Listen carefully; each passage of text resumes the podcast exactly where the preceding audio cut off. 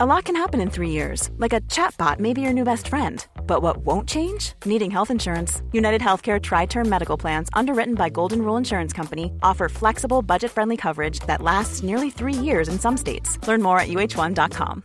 When you make decisions for your company, you look for the no brainers. And if you have a lot of mailing to do, stamps.com is the ultimate no brainer. It streamlines your processes to make your business more efficient, which makes you less busy. Mail checks, invoices, legal documents, and everything you need to keep your business running with stamps.com. Seamlessly connect with every major marketplace and shopping cart. Schedule package pickups and see your cheapest and fastest shipping options from different carriers with rates up to 89% off USPS and UPS rates. And with the stamps.com mobile app, you can take care of mailing and shipping wherever you are. Make the same no-brainer decision as over 1 million other businesses with stamps.com. Sign up with code program for a 4-week trial plus free postage and a free digital scale. No long-term commitments or contracts. That's stamps.com. Code program.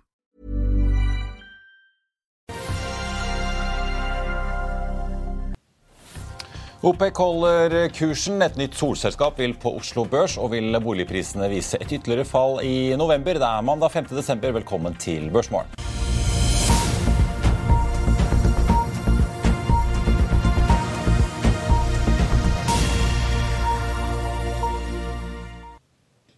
En riktig god mandag morgen alle sammen, og velkommen til oss her i Finansavisen. Mitt navn er Marius Thorensen, og med meg har jeg aksjekommentator Karl Johan Målne. Så vi får også straks med oss Nordnett-analytiker Roger eh, Berntsen. Hovedveksten er nevnt ned 0,45% på Oslo Børs i forrige uke. I dag kan vi vente oss en eh, liten nedgang til på 0,2 fra start. Det venter i hvert fall Nordnett. På Wall Street så vi jo Nasdaq-indeksen ende da til slutt ned 0,2% på fredag, mens SMP 500 falt 0,1 på en dag der vi altså fikk de mye omtalte sysselsettingstallene for amerikansk økonomi. Vi skal komme tilbake til de straks. Hang Seng-indeksen i Asia viste en oppgang på nesten 4% I Shanghai la vi også på oss respektable ja, nesten 1,8 og det er jo da oppmykning i Kinas koronapolitikk som bidrar til å løfte stemningen der eh, borte. Oljeprisen den ligger ganske flat nå på morgenen, 85,90 for et fat eh, nordsjøolje i spotmarkedet. Den amerikanske lettoljen på 80,30. Den ligger da opp 0,1 etter at OPEC altså da varslet at de holder en uendret eh, kurs nå samme dag som EUs oljeembargo trer i kraft. Så er det da boligpristallene fra Eiendom Norge som kommer klokken 11 i dag. Vi får besøk av eh, Grete Meier fra privatmegleren og Trygve Hegnar i studio i Økonominyhetene 14.30.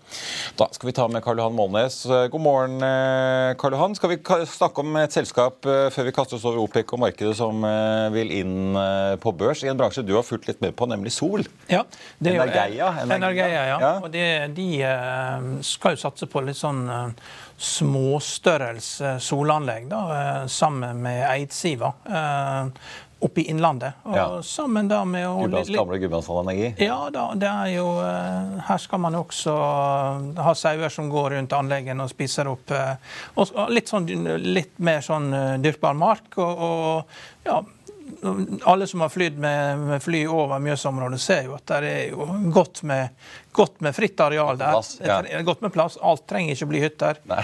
Det er godt med plass til, eh, til å ha noen solanlegg nær eh, tettbefolka områder. da. Ja, for Dette er jo selskapet etablert i 2010 med en kjenning fra bransjen, eh, får vi si, for de som kjenner Ream Solar, som gikk på børs for noen ja. år siden og eh, kjapt rotet seg inn i en konflikt med en, eh, de kjøpte solparker av nede i Italia. Men uansett, sjefen der, Viktor Jacobsen, han har også involvert i dette nye selskapet? Ja da, han er administrerende direktør. Han har jo beholdt en del av våre aksjonærer og et sterkt styre. Så, og det er vel Fearnley og noen som henter inn pengene her, og skal på børs allerede 13 desember. 13. desember og eh, emisjonen er fullgarantert. og Pre-money på, pre, pre på 200 millioner skal hente inn 100 millioner. og Pengene skal, eh, Dette er ikke de, store investeringene, de kommer jo senere. Da. Men vi ser jo det at hvis man gjør dette veldig enkelt, da er det klart at hvis, eh, hvis du ser på tilsvarende anlegg eh, Minnesota har et Community Solar-program som er skrev om. og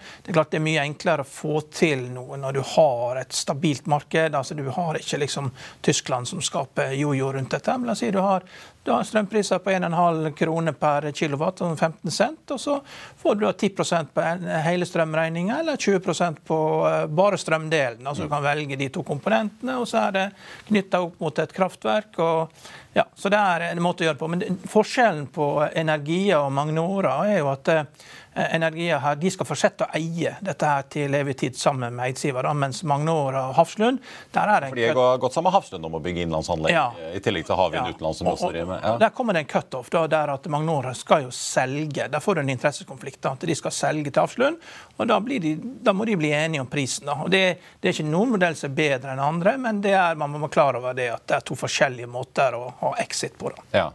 Men Energia altså de, eh, de driver en park, eh, så jeg børsmeldingen i dag i Nederland, to mindre i Myanmar, og så driver de også fire anlegg for Dayam Solar, eh, som Yam Solar er i Italia. Ja. Og så Nå vender de blikket hjem, da, men de var jo ikke så mange ansatte. En håndfull ansatte. og ja. Nei, men, det, men, det, er eh, mellomstore anlegg som er greia. Men du har en viss størrelse, og du har en tilknytning mot et uh, lokalt kraftverk. sånn at du ikke at det verken er gigantisk eller at det du går liksom og roter deg bort på taket, liksom, sånn som mange andre liker å gjøre. Ja.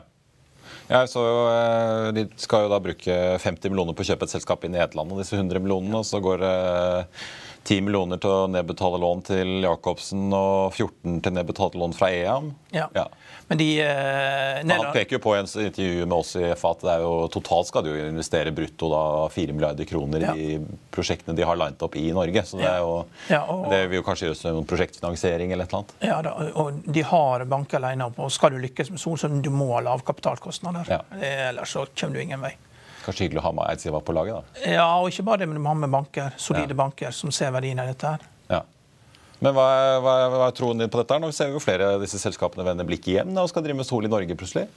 Ja, men... så leser du liksom uh, Myanmar, det... uh, Nederland og sånn, Da tenker du fort sånn at dette er noe sånn mini-Skatek, men uh... Nei da, det er Jeg tror Norge er altfor lite marked. Uh, Skatek er jo så stor, og de bygger jo gigantanlegg, ikke sant. Ja, ja. Det er jo større enn liksom, som en Nøtterøy og Tromøy. Det er, dette her er mye mindre. Ja. det, det, vi får ikke frigjort så mye land i Norge. Altså, vi har ikke ørken, vi har ikke, vi har ikke så store populasjoner. Altså, det, det, er noe helt annet, det som satses ute. da, det som Skattek Men er dette på en måte litt sånn safere, om, om, selv om det er mindre, en mye sikrere på en måte satsing? Ja, og hvis, hvis eh, du hadde din venn Sandnes eh, inne her, eh, han sa jo det at vi måtte forberede oss på strømmarkedet. Det blir sånn som oljemarkedet. Du får fire år med dårlig marked og fire år med godt marked. og da, Den volatiliteten da medfører jo at du får fire år med høye strømpriser i med ulike perioder. og da, eh, da, vil sånne solanlegg bli veldig populære eh, i Norge. Og mange år kommer også til å lykkes sammen med Hafslund eh, med dette. Så det, det, det, blir en, Men da må man gi opp litt areal nær eh, tettbefolka områder for å få effekt på dette. For det, du må være nær en grid. altså Du må ikke, kan ikke bygge dette her ute i huttigheta, liksom. Det er greit å kunne leve side om side med landbruket, da. Ja. Mm. Det er mye, mye, mye tettbefolka områder rundt eh, Mjøsa. Vi skal eh, ta inn eh, dagens gjest, men vi skal bare ha en kort reklamepause først. Hovedeksten på Oslo Børs starter ned 0,2% med en oljepris som nå har begynt å bikke svakt i minus 85,70 for et fat nordsjøolje. Vi er straks tilbake rett etter dette. La oss i Finansavisen hjelpe deg med å holde deg oppdatert på alt som skjer i finans og næringsliv. Hver morgen er jeg, Marius Lorentzen, og aksjekommentator Karl Lohan Målnes på plass i studio for å ta tempen på dagens marked i Børsmorgen. På ettermiddagen oppsummerer vi alt du trenger å vite i Økonominyhetene, og så får vi selvfølgelig besøk av masse interessante gjester. Du finner oss på fa.no-tv, eller ved å søke opp Børsmorgen og Økonominyhetene der du hører på podkast. I'll see you in court. Vi sier det ofte litt på spøk, men for deg som driver business, er det aldri moro å innse at du ikke har laget en 100% gyldig kontrakt. Du bør ikke risikere hele firmaet ditt fordi du synes dette med kontrakter er litt stress. En avtale er ikke en avtale. Du kan miste kunder, miste venner, ja, til og med miste inntekter om du ikke lager en skikkelig kontrakt, på alt mulig, egentlig. Men vi vet det er et styr kopimaskiner, tregprinter og haugevis av papir. Dessuten stoler vi jo på folk her i landet. Det er ofte litt kleint å skulle be om en signatur for alt mulig, ja, for mye av styret handler også om jakten på underskriften. Det finnes en enkel måte å løse dette på, Dukkobit, en trygg, effektiv og get this, gratis måte å sikre seg en god natts søvn pluss en juridisk bindende avtale. Dukkobit-appen har de strengeste sikkerhetskrav i bunn, samt en EU-godkjent og sertifisert teknologi. Framover vil det bli behagelig å spørre du, skal vi skrive under på det, eller? Kom i gang på dukkobit.no.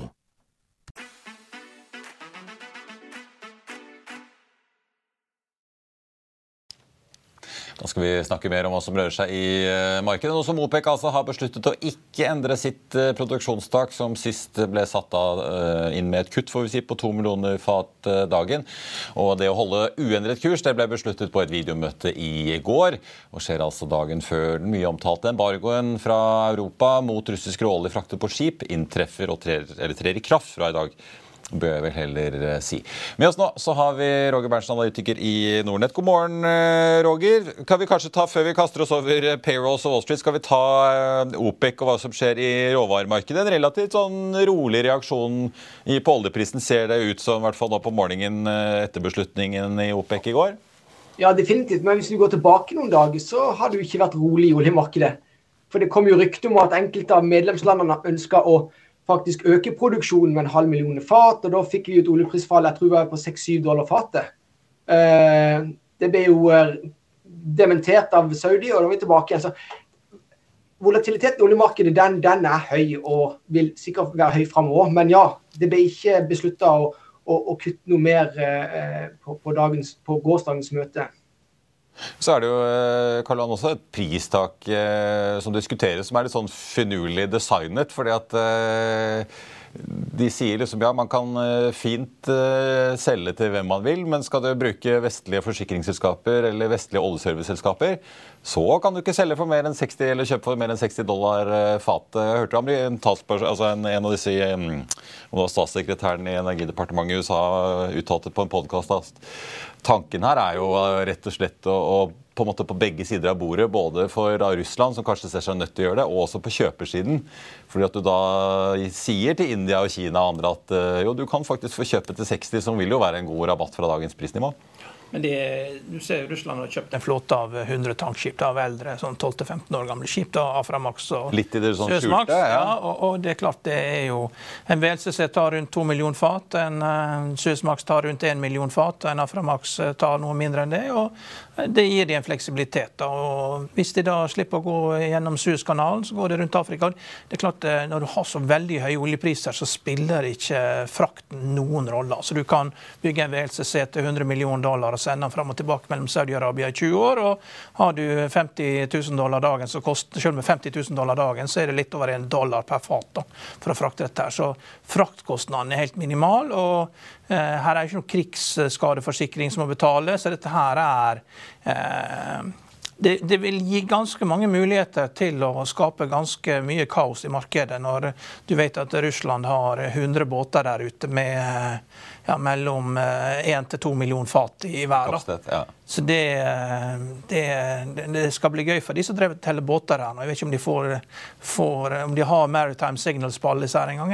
Ja, Russerne er ikke alltid de bruker de der senderne. Nei. Nei for Roger, altså, se Frontline åpner opp nest, mest omsatt på Oslo Børs åpner opp nesten 5 eh, i dag. Eh, vi har jo sett en del sånne ganske kraftige utslag. Det var vel da det var litt sånn begrensninger ut fra Svartehavet, så var plutselig tankratene på WLCC på 100 000 dollar dollar dagen. Eh, så tank har jo fått en generelt ganske bra driv nå i høst, da. Absolutt. Så det at eh, de som eh, frakter olje på, på kjøl, de har jo god tid akkurat nå. Så får vi se hvor lenge det varer. Men tilbake til det med, med, med, med price cap og sånn, så husk India og Kina betaler jo ikke så veldig mye for oljen i dag. Så det er pristaket på 60 dollar. har, i, i, i, en sykkel så er det ikke sikkert pristaket på 60 dollar har noe negativ effekt for Russland. Og Det er jo et sånn viktig moment, men, men i alle fall på oppsida er det vanskelig. Og, og, vi har jo sett at Vesten har jo med, med, uh, hatt uh, suksess med, med uh, altså sånne type sanksjoner tidligere. Og de kommer mest sannsynlig til å få suksess med det denne gangen òg. Det, det, er mitt bet. Ja, vi, jo, altså, vi, har jo sett oljeproduksjonen i Venezuela, som har vært under sanksjoner fra USA i mange år, eh, falle. Men det har jo ikke gått til null, selv om den er kraftig ned fra toppen. Nå virker det som eh, amerikanerne ønsker å få Venezuela litt i gang igjen og har sluppet Chevron tilbake. Ja, men det, det, det tar jo lang tid, da. Så, nei, men, potensielt så blir det fire millioner fat eh, olje som må begynne å ta litt nye veier. ikke sant? Og det man vet jo ikke helt eh, Det blir uoversiktlig. Mm. Og russerne liker jo uoversiktlighet. Det syns jo de er morsomt. Ja. Uh, og uh, det blir uh, veldig vanskelig å trade på dette. her. Så, så, det er bare å ri, ri, momentet så lenge det er der, og så må du snu før det blir for seint. Ja. Vi, vi, har jo snakka om, eh, når du stengte Suezkanalen, vi skrevet litt om det før, med Hadrian-aksjene som gikk fra 1000 til 480 000. Det er ikke en sånn situasjon vi er i nå, altså. Eh, så, men, men det, er, eh, det, er, en uoversiktlig situasjon, og det gir tradingmuligheter. Og, da, eh, da må man, Det er ikke noe buy and hold. altså Det er, det er intradaghandel, og det kommer til å bli mye morsomme trades de neste ukene. Ja, Roger, nå er det neste OPEC-møte i eh, februar, men en annen viktig driver som ser jo ikke ut som forstått ut på oljeprisen veldig, men det slår ut på asiatiske børser i dag, var jo uh, meldinger om lettelsespluss i Kina. som Veldig mange holder i øye med hva som egentlig skjer der nå, gitt at det plutselig med en god del protester mot alle de strenge tiltakene som har vart ganske lenge nå. Så Rystad var ute og avdramatiserte liksom, innstramminger liksom, på kort sikt, at det ikke har så mye å si for oljeetterspørselen. Men eh, hva ser du av markedsredaksjoner eh, i Asia nå på morgenen? Definitivt. Først og fremst det som skjedde forrige helg, eller demonstrasjonene i flere store byer, det er jo, en, eh, det er jo et taktskifte fra, Kina, altså som du ser fra innbyggernes side. Og det er ikke tvil om at, at myndighetene i Kina har tatt det innover seg, for nå begynner det å mykes opp. Og det om noe, så er det godt nytt for alle, vil jeg si. Eh, og eh, også ikke minst med tanke på, eh, med tanke på fremtidig politikk fra Kina. Det betyr at de virker å være påvirkelige mer enn noen gang. Eh, så det, dette kan være et uh, tegn i tiden som jeg vil karakterisere som, som veldig positivt. Karl, eh, vi må snakke litt om disse jobbtallene som kom eh, i USA på fredag ettermiddag. Det virket ikke som Jerome Powell fikk noe av det han hadde lyst på. Én ting var at liksom jobbveksten endte på 263 000 over de 200 som var ventet. Men altså de reviderte tallet i oktober opp fra 261 til 284. Ledigheten holdt seg på 3,7, og attpåtil Labour participation raten, altså eh, yrkesdeltakelsen i befolkningen, tikket nedover var det 0,1 eh, prosentpoeng, som man også har vært opptatt av at må løfte seg litt, eller noe må i hvert fall gi for å lette trykket i arbeidsmarkedet? Så langt så har vi ikke sett effekten av eh, renteøkningene som Det gives utslag i reduserte investeringer, da, og som så skal redusere antall ansatte. Men så langt så har ikke vi sett det. Så langt har vi bare sett folk man har kommet ut av pandemien, og man har absorbert den arbeidsstyrken som har vært der. Og, men det behøver ikke bety at det ikke skjer, fordi eh, det er jo utsatte investeringer overalt. Renta biter. Så eh, det, det, tar bare litt tid, dette her.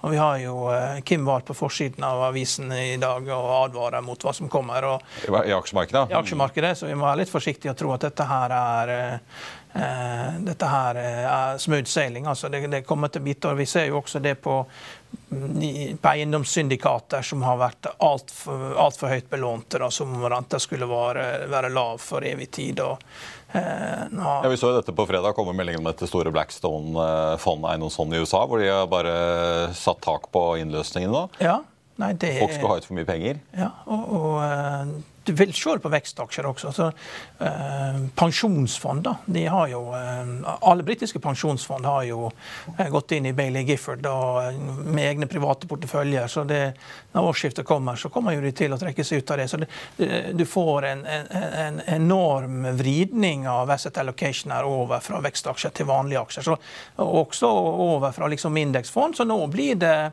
mye mer stockpicking. Man må være mye flinkere og mye mer fastrentepapirer. Så jeg tror det alle bør snakke med en privatøkonomisk rådgiver for å prøve å komme seg gjennom dette. Fordi eh, det, er, eh, det, er, mange skjær i sjøen framover det neste halvåret. Roger, hvordan leste du disse jobbtallene? Vi så jo på onsdag da, da Jerome Powell holdt tale på Brookings uh, Institute, så uh, var det jo fullt rally på Wall Street. Uh, men så kom disse tallene på fredag som Det virker jo ikke som det er noe særlig brems, selv om jeg la merke til at en god del av den sysselsettingsveksten er i helse og offentlig sektor, som kanskje tyder på at privat sektor begynner å snakke litt av. Først og fremst så kan jeg bare si det, Nå har jo jeg spådd børsen i x antall år, altså opp i 17 år. og jeg har jo en del data som, som, kanskje jeg har, og som ikke så mange andre har. Men det, det, er noen ekstreme hendelser vi har hatt, spesielt i forrige uke. Og så hvis vi går tilbake en tre-fire uker, så, som indikerer at det er, det er endring i, i, markedet. Det vil bare tida vise på om, om, det stemmer. Men først og fremst er det jo sånn at eh, økonomien i USA den er i stabilt sideleie nå. For vi hadde tiårsforventa inflasjon tilbake i april, så lå den på, på 3 i USA. Så mens alle har kommentert opp og ned i mente om det ene og det andre, så har faktisk de langsiktige inflasjonsforventningene i USA tikka gradvis nedover. og Nå er de nede i 2,25. Så nå vil jeg si at eh, pasienten er stabilt sier det.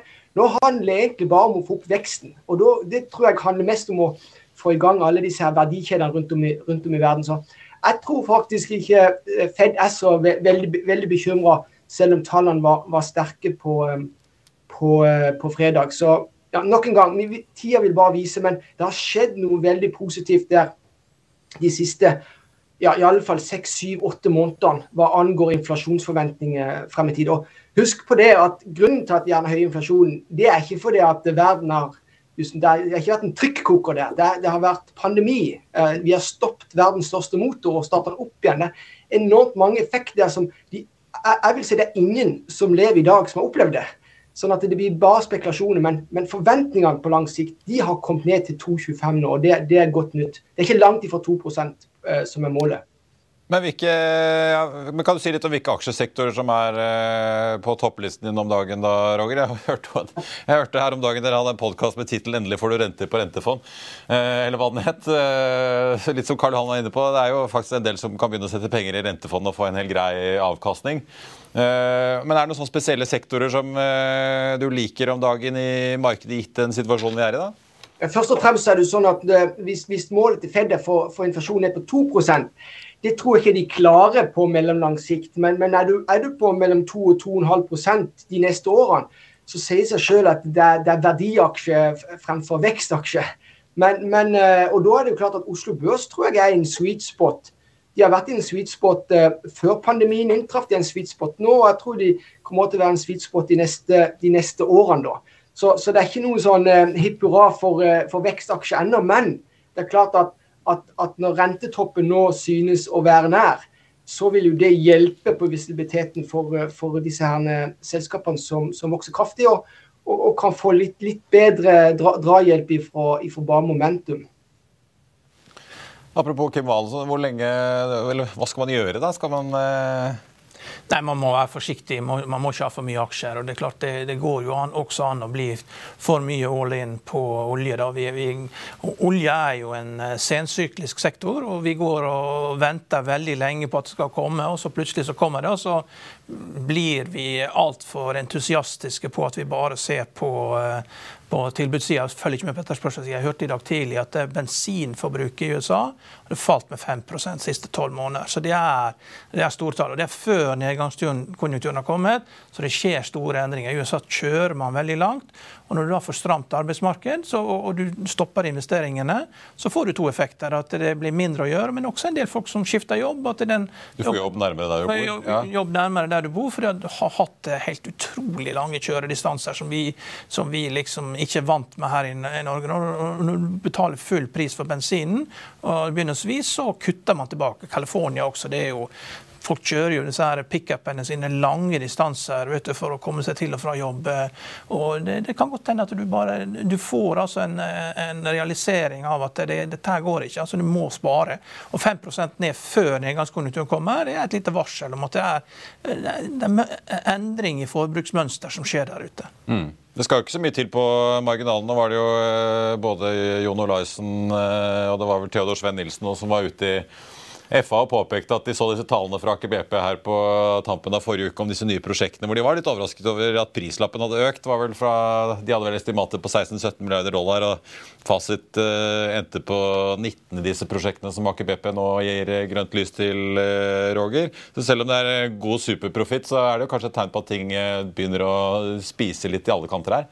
Og hvis du ja, da kombinert med dette får litt etterspørsel på toppen, så ja, selvfølgelig. Jeg må huske på det at ja, Hvis vi kommer tilbake til det med å snakke om, om, om hvilke regioner eller eh, land som er bra å være investert i Oslo Børs har jo klart seg bra i inneværende år. Eh, men hvis du husker på det, det, som skjedde før pandemien Jeg tror det er viktig å prøve å sette linjalen ifra der vi var før pandemien inntraff. Eh, og se litt bort ifra, ifra den situasjonen som vi har nettopp vært gjennom. Og Da er det der fokus på fornybare delen av energimarkedet skal investeres enormt mye. og Det er ikke tvil om at det vil være løn, etter mitt skjønn veldig lønnsomme prosjekter, men du må være stor. Det er klart at Equinor, så, så jeg tror Equinor har gode sjanser for å lykkes. Jeg tror Aker har så, så, jeg er ikke så, Men nå er ikke jeg født nå er jo ikke jeg født pessimist. Og så er jeg jo født for en som liker å tenke oppførsel som eier. og Det betyr at en aksje for meg er ikke noe du skal kjøpe og selge uh, annenhver uke. Nei. Men det, det er altfor mange zombieselskaper der ute ikke sant, som skal fornye ja, Børs, ja, Nei, hele verden. Ja. Som, som uh, slet med lønnsomheten når renten var null, og nå har renten steget ganske kraftig. Og de skal refinansieres. Det, det, det uh, I eiendomssektoren her har du kontantstrøm, men, men for sykliske, underkapitaliserte selskaper med, med store låneforfall og sånn, de kommer til å få et tøft år neste år. Det, ja. det blir vanskelig. Der uh, blir mange selskap som går i veggen. Det er ikke så hot å sitte på disse spakkene lenger, kanskje? Nei, de er jo helt ute. det er ikke så mange børsnoteringer. Vi har noen veldig få, men uh, inkludert Gia. Men, uh, ja. men der er jo det utsikt til kontantstrøm, ja. uh, og det er jo ikke så gira. Eidsiva Energi forsvinner ikke med det første. Nei. Roger Berntsen Nordnett, tusen takk for at du var med oss. Ha en riktig god uh, børsuke. Karl, han, uh, han, Sam Bankman-Fried han rakk å komme seg Han var ikke bare på Dealbook-konferansen, han rakk å bli ut av Financial Times i helgen òg, han. han. Han er overalt, han. Ja. Han har vært intervjuet av Bloomberg. We kind of lost track, det er jo kanskje Det formulerer det litt vel delikat så har han vært etter den kollapsen. Twitter Spaces, og der sa han det at når folk kjøpte bitcoin av oss, så la vi bare inn et tall i regnearket, liksom. Ja. så det er klart Han eh, gjør jo alt han kan for å diskreditere hele krypto. Det virker helt merkelig, hele greien. altså. Men så hadde du senathøring, eh, i, eh, senathøring på torsdag, og det skrev jeg om i avisen, som har stått på lørdag. Og der kom jo det fram da, eh, at det er jo en, en sånn Digital Consumer Protection Act på gang. da, At eh, senatorene er enige om at de har, eh, de har vært altfor forsiktige da, å tilnærme seg. De har analysert, og så har de vært paralysert. Og eh, det er over en milliard dollar som blir brukt som utbetalt i løsepenger eh, i året nå til bitcoin, i bitcoin eh, for hacking. Og det er nesten det dobbelte av hva det var året før. Og det er også bekymringsfullt av den svindelen da, og all den hvitvaskinga som, som, skjer gjennom krypto. Mm.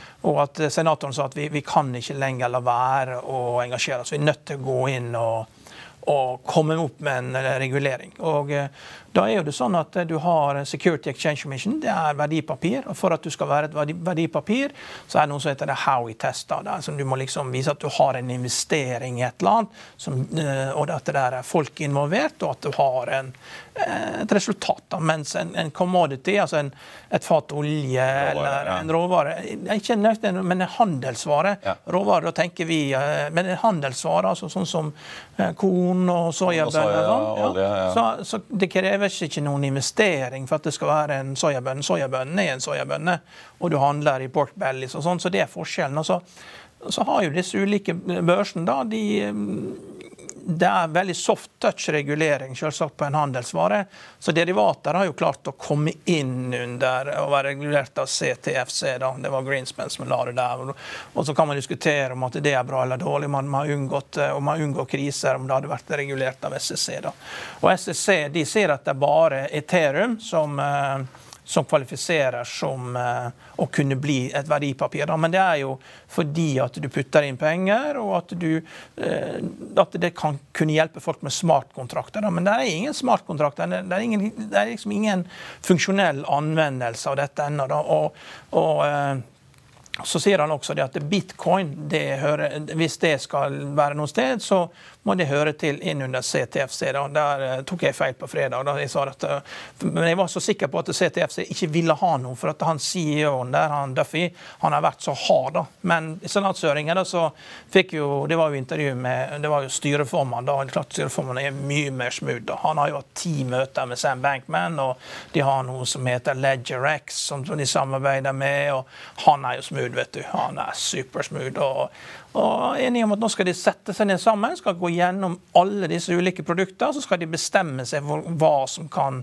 reguleres av hva. Men til slutt da, så ender det kanskje opp med at dette her blir som en, ikke blir verken handelsvare eller verdipapir, men det blir som en samlevare. Derfor alt, kanskje alle disse NFT-ene dukker opp med kunst. For kunst kan du ikke regulere. vet du, Kunst er jo kunst. Ja, Ja. Banetegninger. ikke sant? Det er jo ja, Board Ape. Så, så, her har du liksom en utvikling da, hvor man prøver å regulere. for Man er jo redd for at uh, Binance, da, den største børsen nå, at uh, han som flyttet fra Kina til Canada, og som, at det er hvitvasking av Som holdt på å kjøpe FTX? Ja, ja han, han, siste, han, var smart nok til å skjønne det, at han ikke ville bli regulert. Og det var jo aldri Men at det, det er en bok som heter Willful ja, jeg husker ikke, Wilful Sins, var det det, med Sam Cooper.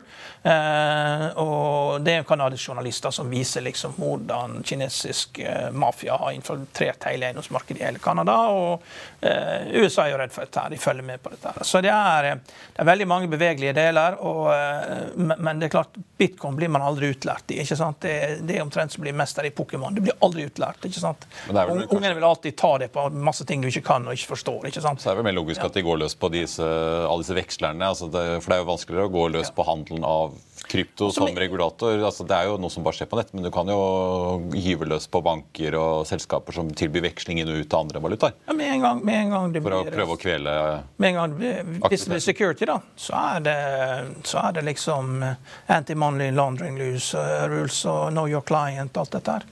Så eh, nei, det er jeg vet ikke helt hvordan dette her eh, kommer til å ende, men at de kommer til å prøve å kvele det, det er jeg helt sikker på. Og det, og, men de gjør jo noe ved å diskreditere det, da, ved at, å la han løpe rundt. og Sam han virker for han virker, det, det ser ut som en stingoperasjon for meg. altså Han jobber for en av disse trebokstavsorganisasjonene og går rundt og sier så mange dumme ting som det går an å si for å latterliggjøre dette her. Ja, Og bo på Bahamas i studentkollektiv. Og... Ja. ja. Nei, jeg vet ikke. Det er, eh, Plutselig så sitter han på et enerom et eller annet sted, et annet sted, og, og eh, Jeg vet ikke. Det, er, det, virker merkelig, hele greiene. Rikelig å følge med på. Ja. Jeg får eh, bare runde av med at børsen har tikket i pluss nå i løpet av de første minuttene. 0,3% Vi var nede på 1206 poeng fra start, nå på 1214. Og selvfølgelig da Frontline som vi er inne på, har tikket enda lenger oppover. Nå 6,5% i pluss, og børsens nest mett omsatte, Aker BP og Equinor, har også gått i grønt. Eh, de var litt røde i starten, ligger nå opp rundt 0,3 eh, begge to. Ellers så jevnt over fra alle de store. Norsk Hydro opp et par prosent, Movi opp en drøy prosent og Yara 0,4. Vi ser også Hafnia gått opp på omsetningslisten med en oppgang på 3,4% Den store vinneren foreløpig, Doff offshore-rederiet, som altså er på vei eh, og har vel strengt tatt da begjært rekonstruksjon i Hordaland tingrett, men der er det jo fortsatt eh, får vi si, aksjonæropprør. Eh, eh, man stemte jo da ned den redningsplanen som selskapet foreslo og la på bordet. Og nå ligger aksjen da opp 17,6% til 1 krone og 8 øre, 8,2 øre på tampen der. Ellers eh, så er det jo sånn at eh, ABG Sundal Collier er ute og oppgraderer eh, sin anbefaling på Adevinta fra hold til kjøp. Den aksjen ligger nå opp 0,9% til 60, ja, nesten 67 kroner aksjen. Skipsted annonserte i forrige uke et, sitt første nedsalg da i Adevinta. De solgte noen aksjer for 70 kroner aksjen og inngikk TRS på 77,25 på en bolk til. Selve Skipsted ned 0,3 nå, i hvert fall hvis du ser på B-aksjen, til 180 84, 60, unnskyld, ja, 84,30. Eh, og så har vi jo da også eh, Bonheur, der Pareto kutter kursmål da fra 410 til 360 og gjentar sin kjøpsanbefaling. Den aksjen ligger på 2,90,50 nå foreløpig uendret på Oslo Børs. Ellers så får vi også bare ta med bare sjekke kjapt her Nordic Nanovektor, hvor aksjonærene også da tok eh, og stemte ned redningsplanen her på tappen av forrige uke. Den aksjen ligger opp halvannen prosent. Og Det var børsmålen for denne mandag 5.12. Husk å få med deg Økonominyheten 14.30, der vi også får med oss både Trygve Hegnar og Grete Meier fra Privatmegleren for å snakke om boligprisene. I mellomtiden så får du siste nytt på FA eiendom hele børsdagen. Og boligpristallene kommer da klokken 11. Ha en riktig god børsdag videre alle sammen. Vi ses.